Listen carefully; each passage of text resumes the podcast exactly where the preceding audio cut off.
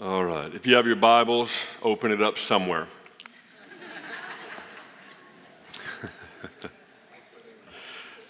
I'm actually very serious.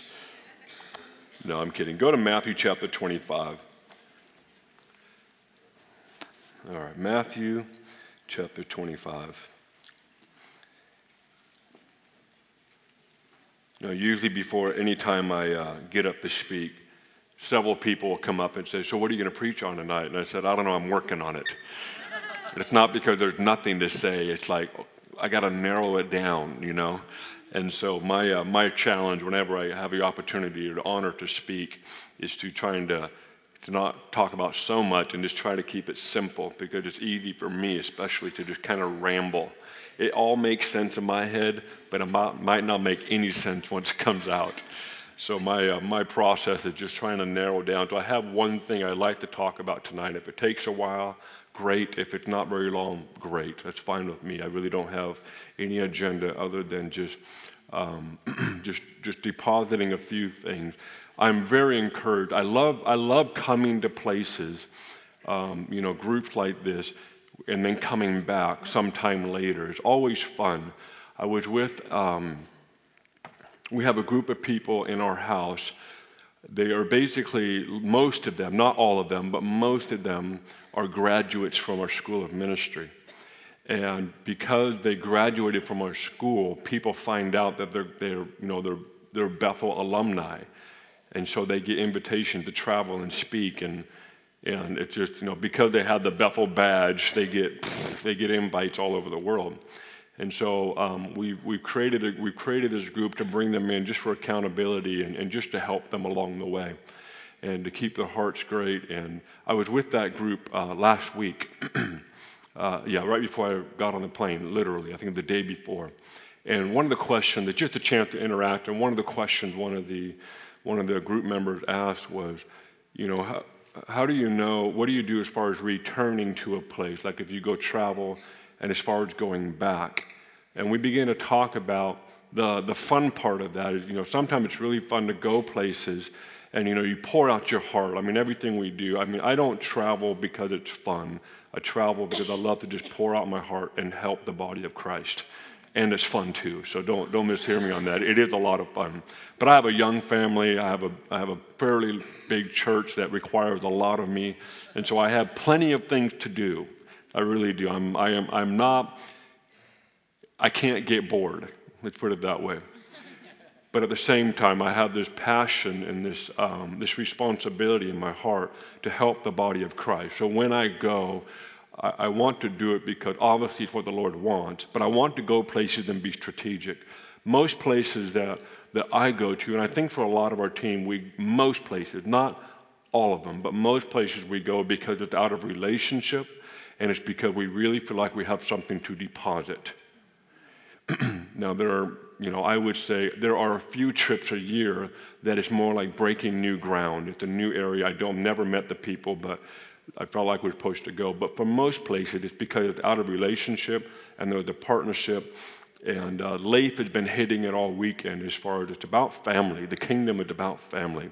And that's really how we think. We're, we are a global family. We may, we may have different names and titles and denominations, and, but honestly, at the root of it all, we have the same passion and the same heart, and that is to see G- the kingdom of heaven come to this earth and the name of Jesus be known in all the earth. That's what we're here for. Amen? Yeah. Amen? Yeah. Okay. I hope everybody agrees with that. So. But uh, one thing that's fun about returning here, I was, I was here two, two and a half years ago, and, uh, you know, the, anytime you go to a place the first time, there's always this, okay, you're trying to get a feel for what's going on. You're getting familiar with the people. What are their successes? What are they working through? And the culture. And, and uh, I never make assessment, or I never make a conclusion based on one trip. Because, I mean, you're there for a few days. It, it's not very smart to go, oh, I've got it all figured out when you're only around a group of people for a couple of days. But it's really fun to come back a second time after a couple of years and just to see the growth, not, not just numerically, it, it's not about numbers, but to feel the, the, the, maturity in the room. There's a, the spiritual atmosphere is mature, it feels really strong, and it feels awesome. So I just want to encourage you guys, just as someone that just comes every now and then, And just, I'm really encouraged by what God is doing in the hearts of people. I love, the, I love looking in people's eyes, and I can tell a lot by looking in their eyes. I can see if there's hope raging in their heart, or I can tell if there is no hope in their heart. And uh, so it's fun to be here with you guys and just to look in your eyes. There's a tremendous amount of hope in your eyes. And I just want to encourage you guys keep it up. Just keep going. You're doing a wonderful job. And you're just you're, you're creating a culture, you're creating an environment that's becoming, that is, and it is becoming even more attractive to the nations. And uh, that's why I hit on the, the topic of wisdom the last couple of days, that there is a wisdom in this house, and there's another measure, another dimension of it that I want to encourage you ask for it. Just ask for wisdom. Do you know why Solomon asked for wisdom? Because David told him to. Solomon said, My dad told me to ask for wisdom. So when God showed up in a dream, Solomon said, I want wisdom. And God said, You're a smart boy. And because you've asked for wisdom, I'll give you anything your heart desire. And it's recorded by the end of Solomon's life. He said, Everything in my heart I accomplished. Could you imagine at the end of your life being able to say, Everything in my heart I got to do? Wouldn't that, wouldn't that just be incredible? Only a couple of you think it that. I mean, that's. I mean, can you imagine lying on your, you know, at the end of your life and you have no regrets? You have no regrets. You're like, wow, I, I got to accomplish and see everything. And what was the key to that? It was wisdom. And so I just want to encourage you guys there is a wisdom in this house. It, I can feel it, it's, it's saturating the environment. I can just feel it and sense it. And I'm very, very encouraged. And you guys, I feel like, and I haven't known this house very long. It's been, I think, four or five years, maybe at the most. But I can, I can already, it feels like you guys have gotten you've gotten through, you've, you've jumped over a hurdle. And that hurdle was becoming extremely confident in who you are. And because now you're extremely confident in who you are, you're very, very sure of your DNA, your culture. You can always tell when you have culture in you is when you can't be convinced otherwise. You can always tell when you know it's not just intellectual, it's not just a thought, a theory. It's, it, when it's more than that, when it becomes revelation, it becomes a part of who you are, is when no one can convince you otherwise. That's when you know, and that's what I feel in the air right now. I've been on this trip specifically, I'm like, they, they, they've established what's been in their hearts for, for a long time, and it feels like you, you've gotten over that hurdle. And so now, because of that, there's another dimension of wisdom that's available if you want it. All you have to do is ask for it. There's another dimension of wisdom that will help to establish culture that the nations will say, hey, what's going on over there? And that's why the Queen of the South traveled long distances because she heard about Solomon and what he established. And so I just want to just, just say one more thing. It's not has nothing to do with where I'm going tonight, but just wanted to just um, just encourage you with that. And uh, anyway, just great, great to be here with you guys, and amen.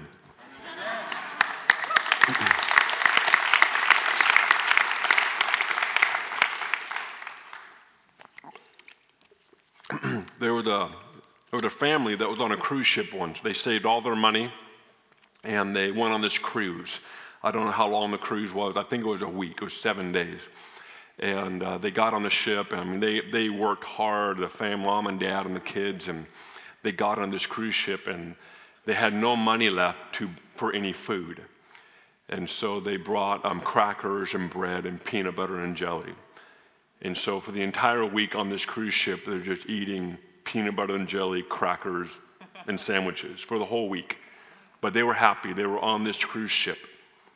They made it. On the very last day, the dad thinks, you know what, I wonder how much it costs for a meal. I like to just, I like to just bless my family for how much does the meal cost.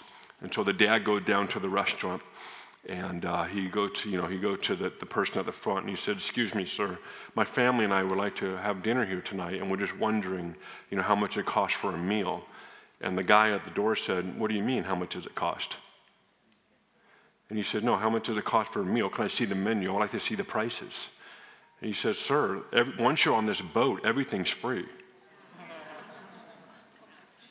it's a bummer. A lot of Christians, that's how they live their whole Christian life. They do not realize what they have access to. And so they live in a constant state of unawareness. And, um, you know, it's, it's really a big deal. And I, uh, I have a real passion to help liberate people or to remove the veil from people's eyes to see what's available. If you see it, you can have it. If you see it, you can have it. The moment you hear a breakthrough, a testimony, it's not just to tickle your ears or just to go applaud and say, Yay, that was awesome. It's actually a doorway to access where you can live in that realm all the time. So it's not just, you know, it's not just to, you know, admire and admonish and say, oh, that was exciting, and then continue with your life. Did you know that every miracle, that every, every breakthrough, every sign and wonder, every revelation, there's more of the kingdom on the other side? One of the things that we can do is sometimes, you know, how many have ever I've heard the same miracle over and over? For example, someone's back.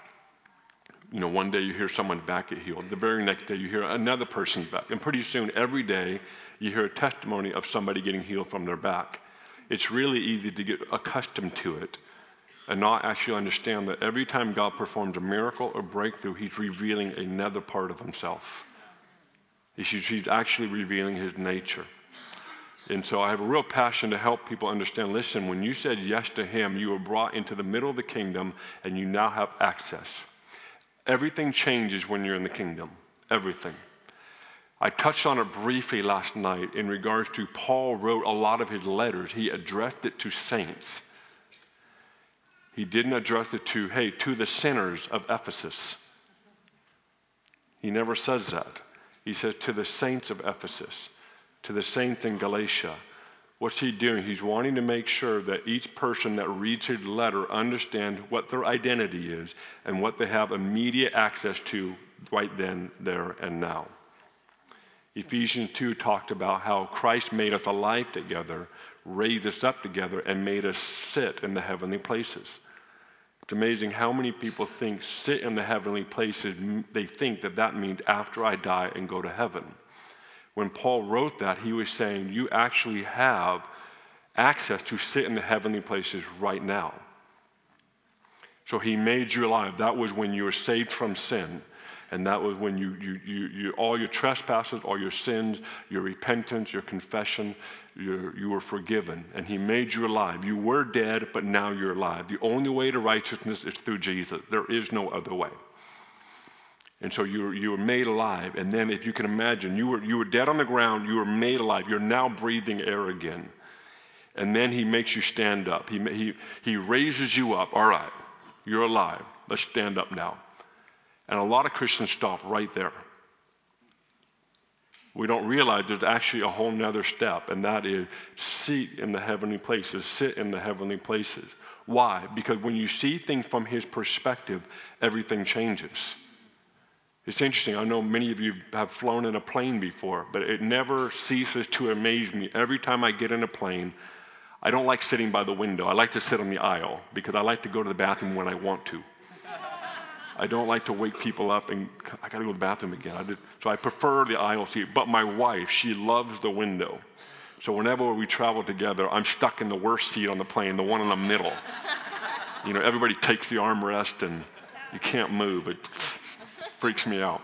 But my wife is next to me, so I'm doing well.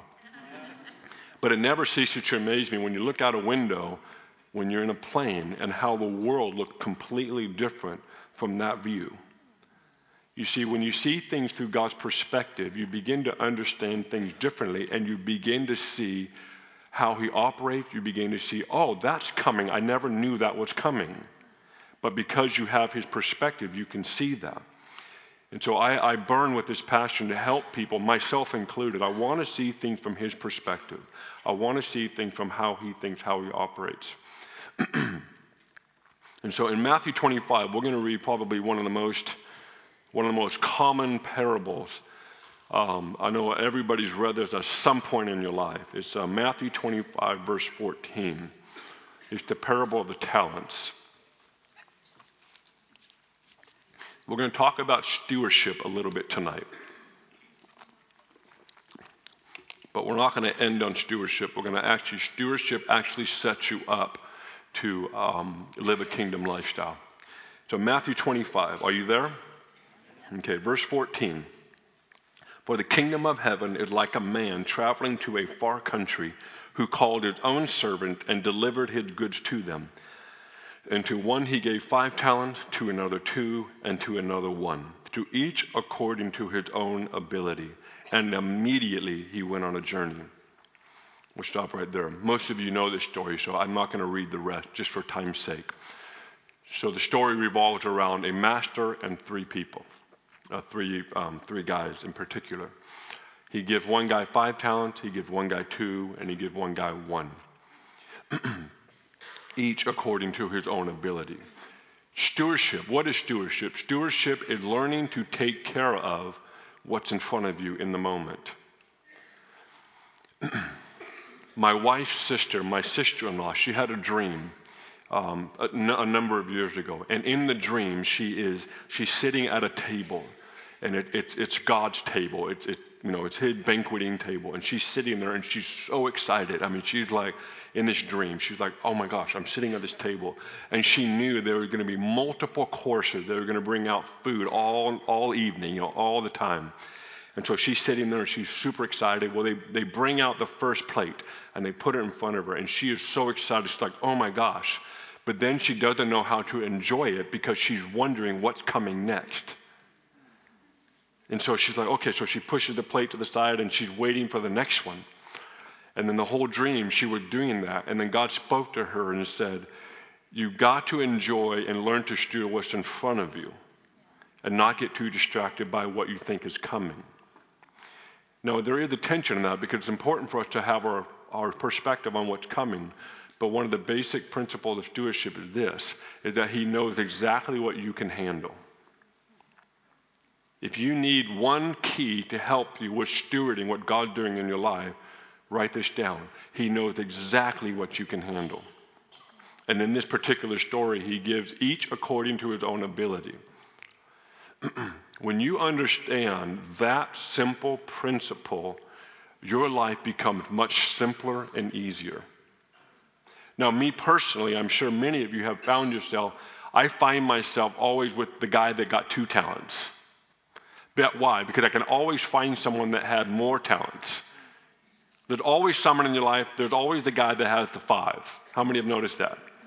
There's always someone in your life, there you have, why do they got five? And I got two. And then you can always find someone that got one talent.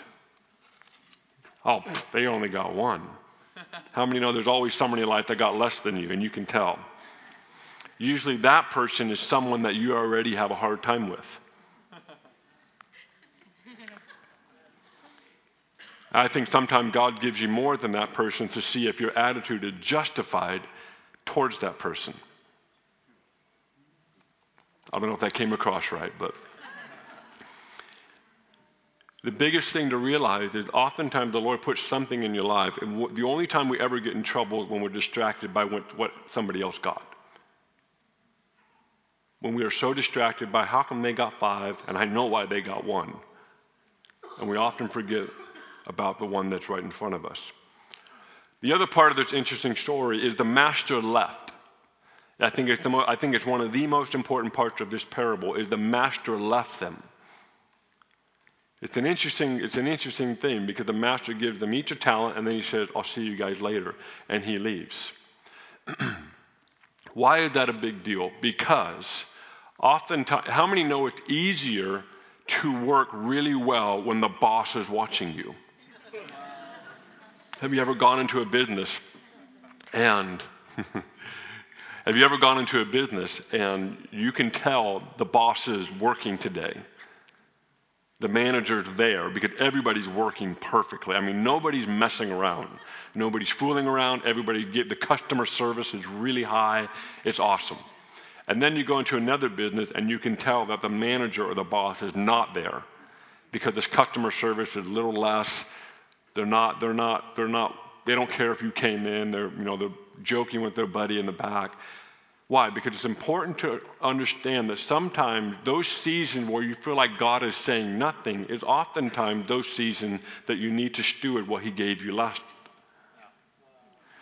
Oftentimes, I'll, I'll, because I'm a pastor, I have lots of people interacting with me saying, No, I'm in a really hard season right now, and, or God hasn't spoke to me, or something like that. And, and usually my first question is, What's the last thing He told you? And most people, I don't know, I haven't heard him speak in weeks or months. I said, all right, I know, I know, it feels that way. Just relax. What's the last thing God told you? One person said, he, he was teaching me about joy. And I said, how are you doing with that? And they're like, not really well. I said, okay, listen, this is the season to learn to steward joy when you don't feel like it. You see, sometimes will God teach you something because he, he, he builds. Remember, He's not doing it to punish you. That's how a sinner thinks. You're a saint. When you're a saint, you're on the cruise ship and you have access to all the food on the ship.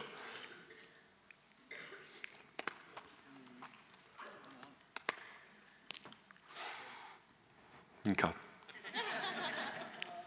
So when he deposits something in your life and it becomes silent, He's not punishing you. He's not, he's not testing if you're really good. He's actually building in your life. Why? Because he's a master builder. He's creating something beautiful. So let him. Well, I'm discouraged. It's the worst. No, listen, you have the wrong mindset. You have the wrong perspective. He's actually building something in you. He's teaching you why. He's giving you keys because he knows he wants to turn you loose on stuff. But until you learn to be joyful at all times, you're not ready for what's coming.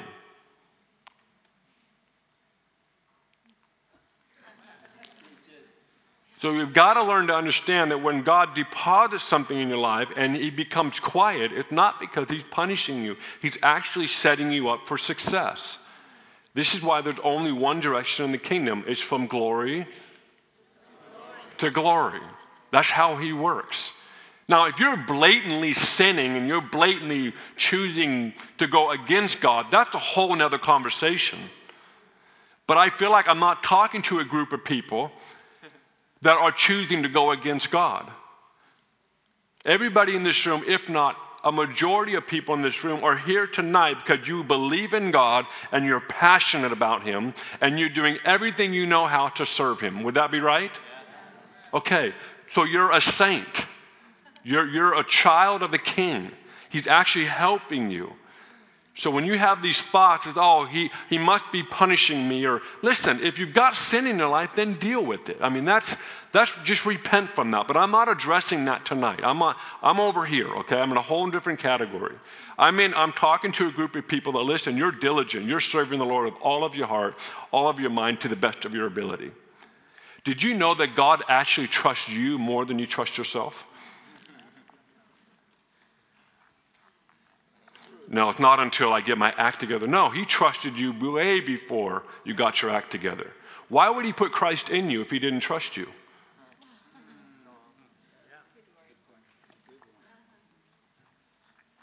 Hello.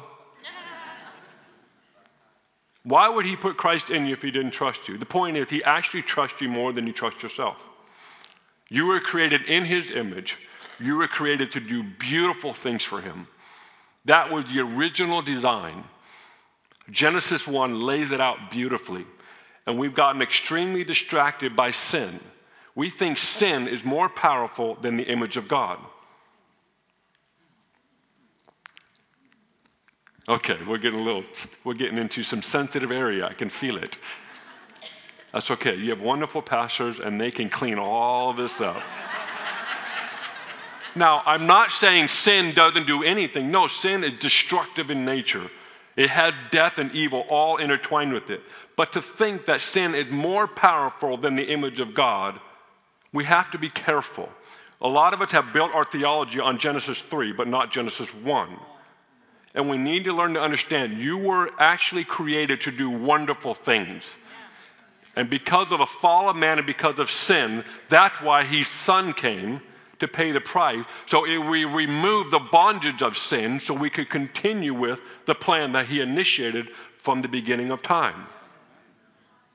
So he trusts you more than you trust yourself. You see, in the kingdom, the light is green until it turns red.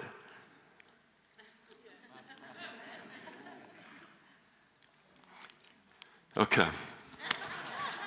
You see, a sinner, the way, the way a sinner's mindset, now I'm not talking about a person that's a sinner, but the way a sinner's mindset, the way they, their paradigm, the way they think is everything in life is right or wrong.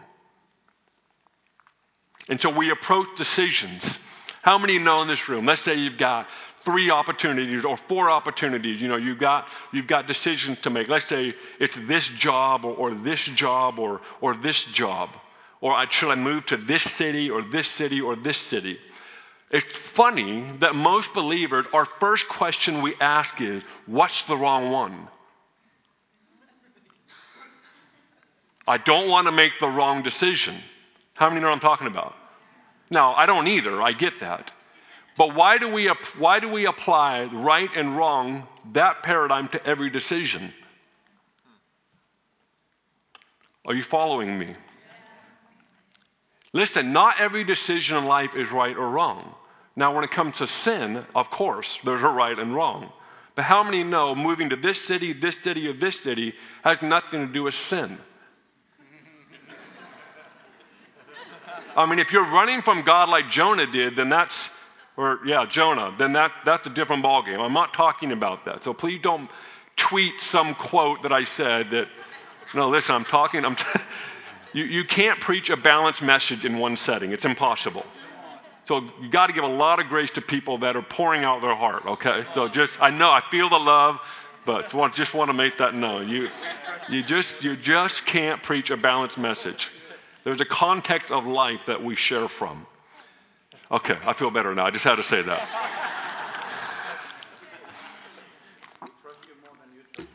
Yeah. So, not every decision in life is right and wrong. I learned this a, number of years ago. My wife and I, we were in a season of our life. We were in Redding, and we were um, we were doing fine. I mean, we were there for a couple years. This was right when we got married. So this was 15, 16 years ago. My anniversary is coming up in a couple weeks for 16 years. I'm so happy. Come on. You know what we're doing for our anniversary? We're doing something that's called Tough Mudder. Have you ever heard of that? Probably not. Okay. It's a 10 to 12 mile challenge with 25 obstacles that involve a lot of ice, water, and mud and electricity. it would, it would designed by the British Special Forces. So get online, toughmudder.com. That's how we're celebrating our anniversary. As we're gonna, we're gonna go through pain. And it's my wife's idea. I'm like, all right. it's just go look at the website. It's crazy. We're doing it in three weeks, so I'm getting ready. So anyway, where was I at? We were at a point in our life where we had, in one month period of time, we had, we had an invitation to start a church, plant a church in Barcelona, Spain. Spain is a beautiful, I love Spain. We've been there numerous times. I just love Spain. I love their culture. I just, I love the, everybody takes a nap every afternoon. I was like, that's my plan. If I ever, if I became president of America, I would initiate everybody take the nap at two o'clock every day and then they don't eat dinner till like 10 o'clock at night. Oh, glorious. It's awesome. So, anyway, so we had, we had one opportunity to plant a church in Spain, in Barcelona, and then we got invited to come on staff at an orphanage church planting um, youth ministry down in Mexico. And then we got a phone call. This all happened within like a month. And the third opportunity was to move to Weaverville, which is where I grew up. I spent my whole childhood there. I love Weaverville, but I had no desire to move back. I, would, I had had my time there. And then the other, op- the fourth one was to stay at Bethel. So this was back in 1998, 99, right in there. So this is a while ago now. And we're, we get all these, you know, we get all these opportunities, and we're like, wow, everybody wants us. No, I'm just kidding. that was a joke. And so we were praying, but I remember my wife and I, we, our first process was, what, well, we don't want to make the wrong decision, so let's make sure we don't, what's the wrong one? And that process, I don't remember how long it took, I think it was a couple months of just going through a process of the Lord re or showing us that the, there isn't a wrong decision. I think it was a month or two months in. We were just, I mean, we were talking to my parents, you know, to her family, to certain friends in our life, and like, what should we do? And we're not sure which one we're supposed to do. And, and somewhere in there, I felt like the Lord said this I'll honor whatever decision you make. I'll honor whatever decision you make. Sometimes when God's not talking for a long time, it's His way of saying, What do you want to do? There are several stages of relationship that are mentioned in Scripture. I don't have the references right now, but they're in there. Okay? I apologize. I should have done my homework and had them laid out. But they're in there. Just trust me.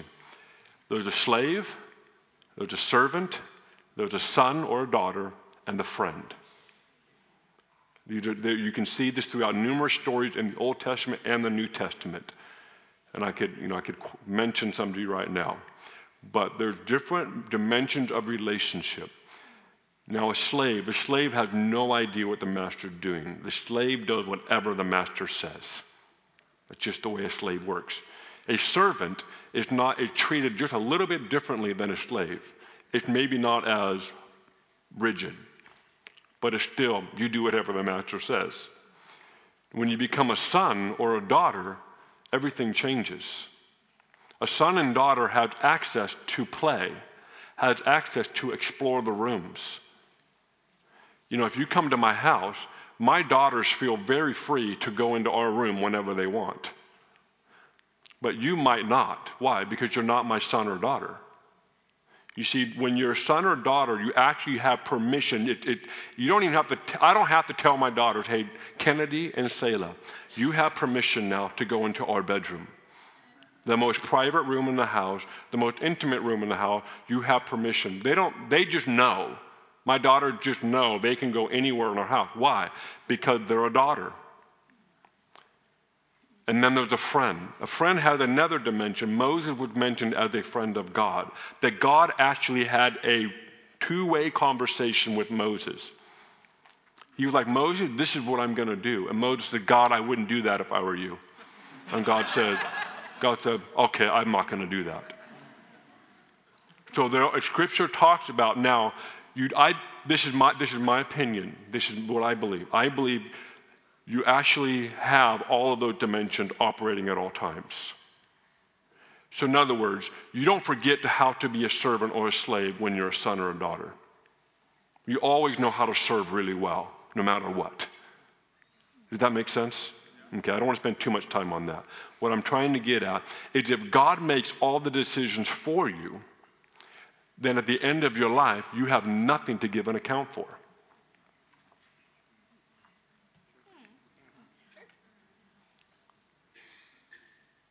When you stand in front of him at the end of your life, he's going to go, What did you do, son? And if he made every decision for you, then there's nothing to give an account for. Okay, are you guys thinking? Okay, I can see it. That's good. Think away. I know this is freaky because you don't want to mess up. I don't want to mess up. I get it too. I'm in the same boat. But I'm learning something over the course of my life that he actually trusts me more than I trust myself. Now, what I don't want to do is get so far out there that I think I've just got it all together. No, I'm not that dumb. But I want to honor how much he's actually empowering me as a son. In my heart, everything I do is to honor him back. So I'm learning. It, it, it's a dance. It's, a, uh, it's, it's the tension. It's, it's not like, all right, you get into one way and this is how it is. But I, I, I'm, I'm just, I'm just want to share my heart with you. It's a dance of learning how to recognize when He says to do something, you do it. I know everybody in this room, if God comes to you and said, move to Barcelona, Spain, if you didn't do it, everybody move away from that person. Because nobody had the problem with obeying when God actually said, do something. It's easy to obey him when he said, do this. How many know it, it is easy? Now, it doesn't mean we'll always obey him, but it, it's easy. Like, oh, that's what I'm supposed to do. But oftentimes, God says nothing. Have you noticed that oftentimes in some of the most major decisions in life, I don't hear anything? How many notice that? Now, if you hear from God in all your major decisions, I need you to pray for me. No, I'm kidding. No, but I, am just, I want to present, I want to propose to you that God is actually teaching you. Listen, everything in life isn't about what's right or wrong. When it comes to sin, yes. But when it comes to being a son and a daughter and you're living your life for Him, He presents opportunities. And He wants to see, hey, I'm going to honor whatever decision you make. And so when we, back in 1998, when Candace and I had all these opportunities, we, we didn't hear, God did not say, do this. The only thing He said, the only thing that we heard Him say was, you're going to learn how to be a pastor people. You're going to learn how to love people. And we needed it, to, honestly. We, it wasn't like we hated people. We just weren't really good with giving grace to people. We were like, listen, this is what you do, just get over your issue and move on. That's just kind of how we operated. We were just a little bit more like straight line. And so that's the only thing we heard was this is going to be a season. This is what God said through a, through a prophet. He said, You're going to learn how to change diapers in the middle of the night. And then you're going to learn how to give milk to babies. And we're like, Oh no. we were not looking forward to that, honestly. No, I don't mean our kid, I mean pastoring people. So all these opportunities had something to do with people. So it wasn't like, it wasn't like, oh, that's the one, because all of them involved being involved in pastoring and loving people. So that's the only clarity we got, which didn't really help. It wasn't like, but in the process, God, I felt like, I, I, I don't remember, who, I, Candace and I just like, I feel like God's saying he'll honor whatever decision we make. And that was new for us. And so we chose Weaverville, which honestly, that was the bottom of my list. It was at the top of my wife's list at the bottom of mine. That's probably why we went, because, you know, the wife is always right. How many know the longer you've been married, the more right your wife is? Husband, you better raise your hand. I think it's, it's true. I, I, I'm learning this. The wife is more right than, than ever before. Candace, what do you think we should do? That's what I think too. All right. And so we moved to Weaverville.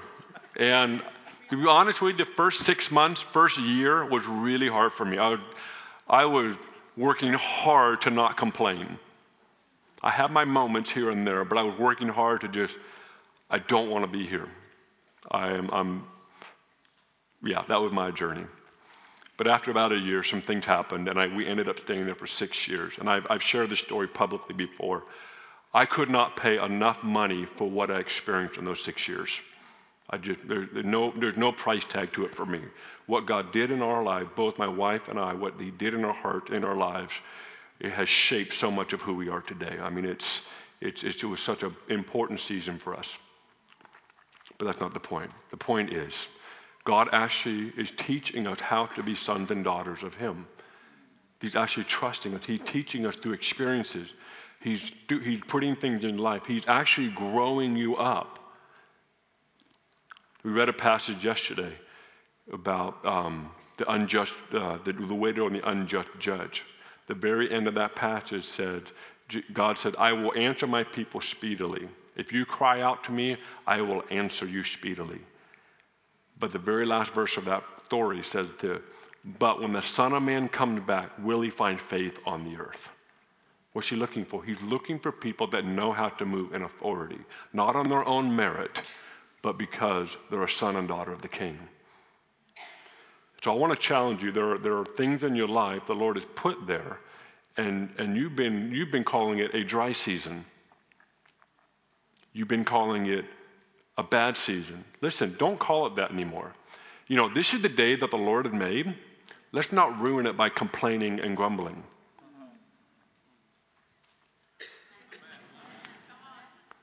That's not in the Bible. The first part was. The second part I added to it. So that's in Eric chapter 1, verse 1. No. no, seriously, this is the day that the Lord has made. He made this moment right here. So why would I spend my time wasting my time complaining about it? I mean, he made this 24 hours. We have no guarantee of tomorrow. Absolutely none. We have absolutely no guarantee for tomorrow, but we do have a guarantee for this moment right here. So he's teach, I, am learning, I'm learning so much about, he's actually, he's actually, he's teaching us how to be sons and daughters. He's teaching us how to move in authority, to grow in him. And so, what I call dry seasons, horrible seasons, really are like, you know, yeah, they didn't feel awesome. I didn't like them. I don't want any more.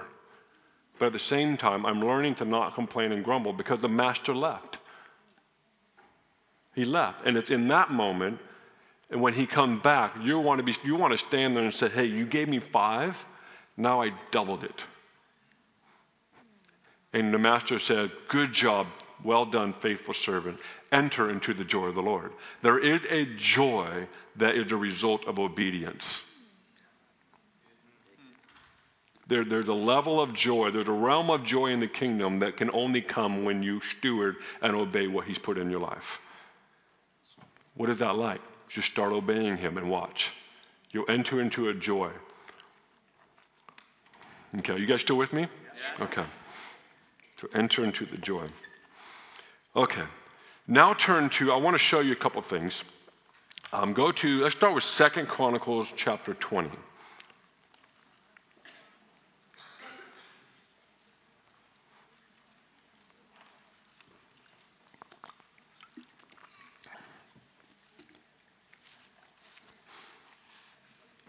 Second Chronicle chapter 20. Again, I, have been doing this all weekend. I would encourage you to read this whole chapter on your own sometime. It's, I have a tendency to just read lots of scripture, but because of time, I don't want to just read everything. So let's just read a couple verses to set the stage, and then I'll tell you how the story unfolds. Uh, we'll start in verse, um, verse 1 of chapter 20 in the book of Second Chronicles. I think it's chapter 20. so far, so good. Oh, thank you. I'm so good. Okay, verse 1. It happened after this. Is that the right chapter? Okay, just want to make sure. That the people of Moab, with the people of Ammon and others with them, beside the Ammonites, came to battle against Jehoshaphat. Then some came and told Jehoshaphat, saying, A great multitude is coming against you from beyond the sea, from Syria, and they are in that place. Verse 3 And Jehoshaphat feared and set himself to seek the Lord and proclaimed a fast throughout all Judah. So Judah gathered together to ask help from the Lord. Excuse me. And from all the cities of Judah, they came to seek the Lord. Let's pause right there. So we have the nation of Judah, King Jehoshaphat is the king. He gets a report that armies are coming to kill them. Now, just like any of us in this room, we would go seek the Lord. And Jehoshaphat calls a fast on the nation and he goes in before the Lord. Now, the next few verses, we're not going to read them, go all the way down from verse uh, 5 all the way down to verse 13 is Jehoshaphat crying out to the Lord. Now, we're going to pick back up in verse 14.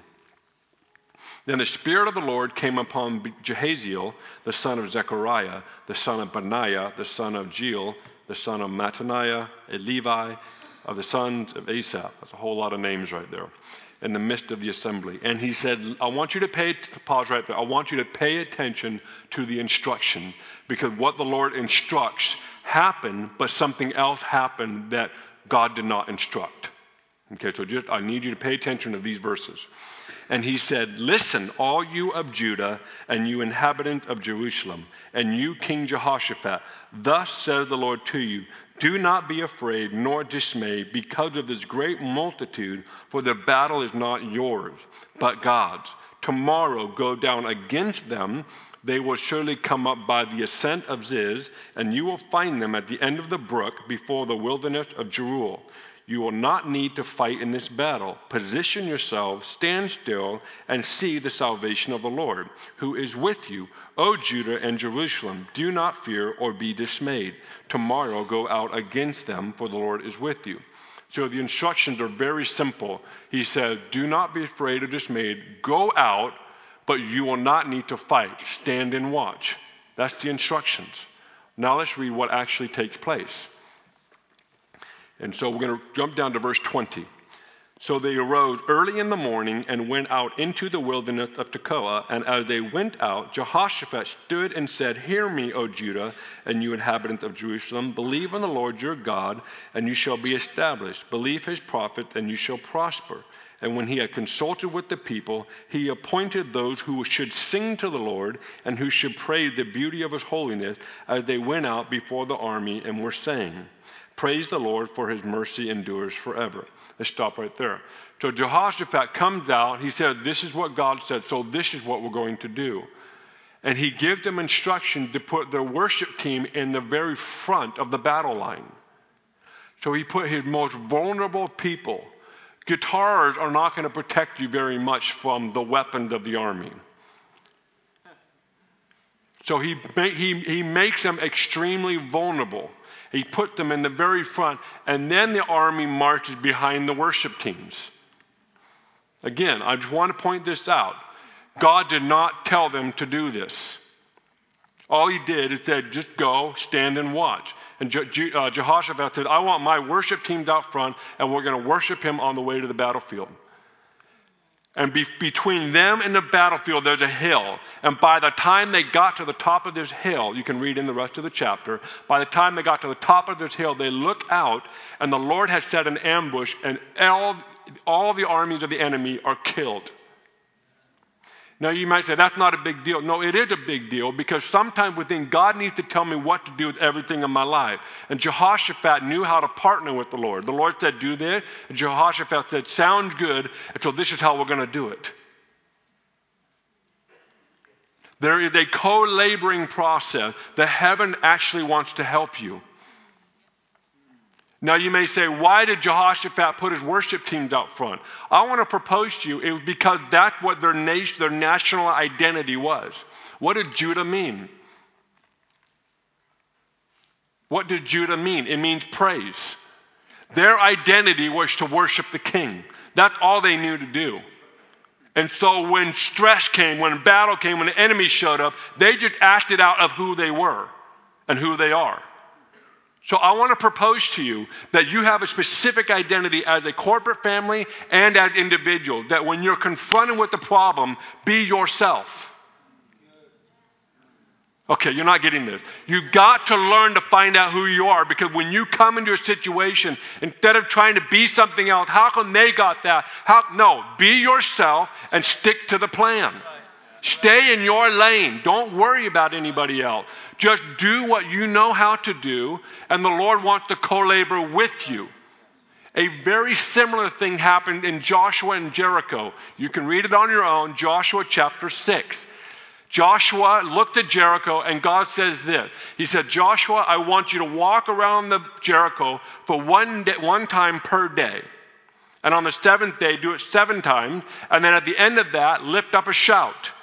That's the instruction.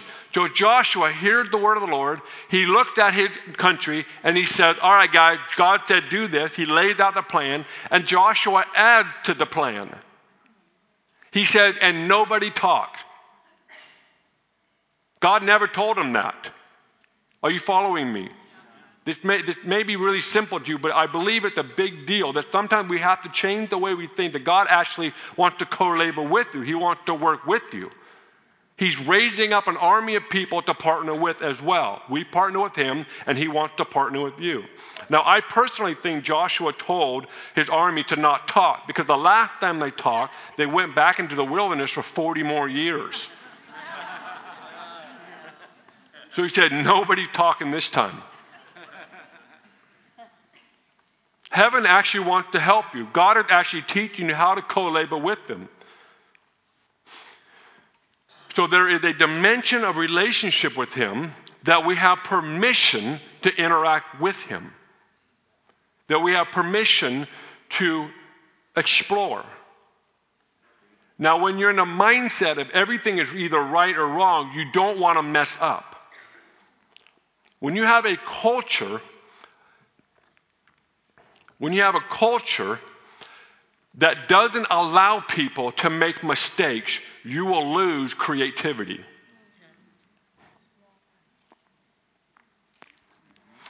People will not learn to be themselves in an environment, in a culture where they're not allowed to make mistakes. Now, again, I'm not talking about you have permission to sin. I'm not talking about that tonight. I'm just saying that throughout the message so you remember. I'm talking about learning how to create an environment where you learn to partner with Him. Now, if you're like me, when you make a mistake and you know you, not sin, but when you did something that you thought was a good idea and it ended up not being one, the first thing on my heart is God, I am so sorry I messed that one up. What's interesting about making mistakes when you're son and daughter, you don't usually get punished. If you have a healthy father, you don't get punished. You actually get more fellowship. My daughters, my beautiful daughter, they very rarely ever make a mistake. I mean, they are near angelic. but every once in a while, they do something that, you know, is not okay. Now, when my, when my daughters make a mistake, do I say, I am so done with you? I'm leaving you. My presence has withdrawn from you. no. How many know that's not true? But it's funny that when it comes to God, we think, oh, he's withdrew himself from us. No, when my child actually makes a mistake, I actually go to them. I actually come down and I am now having fellowship with them.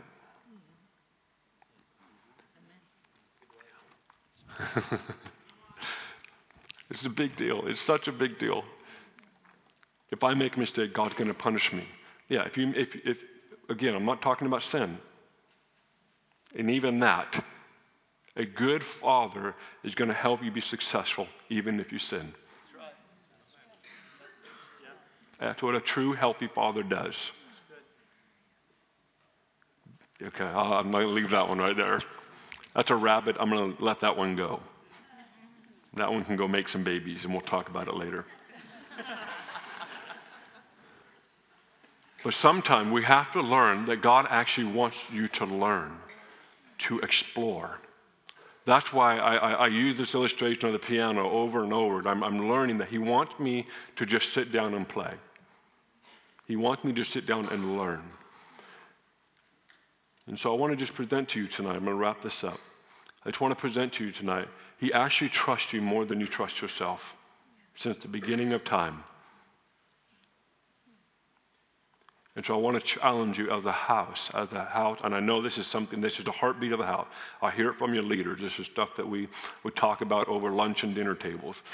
You know, on the beach today, Martin and I had a little conversation just about, about some of that. Just, this, this is the heartbeat of this house, of raising up people that can walk in authority and freedom of being sons and daughters. That's the, that's the heartbeat of this house. But I want to challenge you even more so and as individuals. And if again, if you're not part of this house, you're from another city or another church, carry this in your heart because the Lord wants to teach you how to be a son and a daughter. Because when you live in his palace, when you're on the cruise ship, you have access to the food that's on the, on the cruise ship. Someone paid a price for it, you just got to go get it. So learn to realize that Jesus, he, God put Christ in you because he actually trusts you. He actually trusts you. And not every decision in life is right and wrong. Now, are there right and wrong decisions? The answer is yes. But not every decision is right or wrong. Quite a few of them are actually God saying, I want to honor whatever one you do, I want to honor. Now, when the light turns red, then stop. But a lot of times the light's green. And it's a weird adjustment. It's a weird adjustment for people when they're so used to red lights, red lights, red lights, red lights. But when you start having lots of green lights, it's, it's an interesting, it kind of shatters things, kind of messes with you. And if you get a red light, don't worry, because that red light is actually setting you up for a lot of green lights. There's a street in my town there's a street in our town, Pine Street. Pine Street. It's got like, I think, eight lights, eight stop lights. And if you don't hit them right, you get a red light. But when that light turns green, all eight of them turn green. And you just get to drive the whole stretch with no stopping. A lot of times, that's how the kingdom works. The light's green until it turns red. But when the light is red, don't worry. It will turn green again someday. And a lot of times, it'll just, a whole bunch of things will turn on. God is not punishing you, He's actually setting you up for success. So, Father, I pray for this group that they will learn to walk a new measure of authority as sons and daughters, not just in theory, not just in a concept or idea, but experientially. I pray that tonight, that the different situations that they're facing, that they're encountering, they would realize that, oh, you're actually trusting them to make a decision. You're actually teaching them that you trust them. So I pray for a grace to rest on them. I pray for a courage to learn to, all right, this light is green. I'm going to go for it. Even though it feels awkward and weird, I'm just going to learn. And I pray that you teach all of us in this room that when we do make a mistake, that you actually are initiating fellowship so you can teach us and we can learn from it. That you're not withdrawing your presence from us, but you're actually learning to teach us. And we're learning that that's your heart. So I pray for that revelation, again, not just theory and intellect, but something deeper than that. So I pray for your eyes to be clear, your ears to be clear, to see and hear what this is all about. And I thank you for what you're doing in this house I thank you for the culture that's being established and the favor that's resting on this place. We thank you for that. And everyone said, Amen. Amen.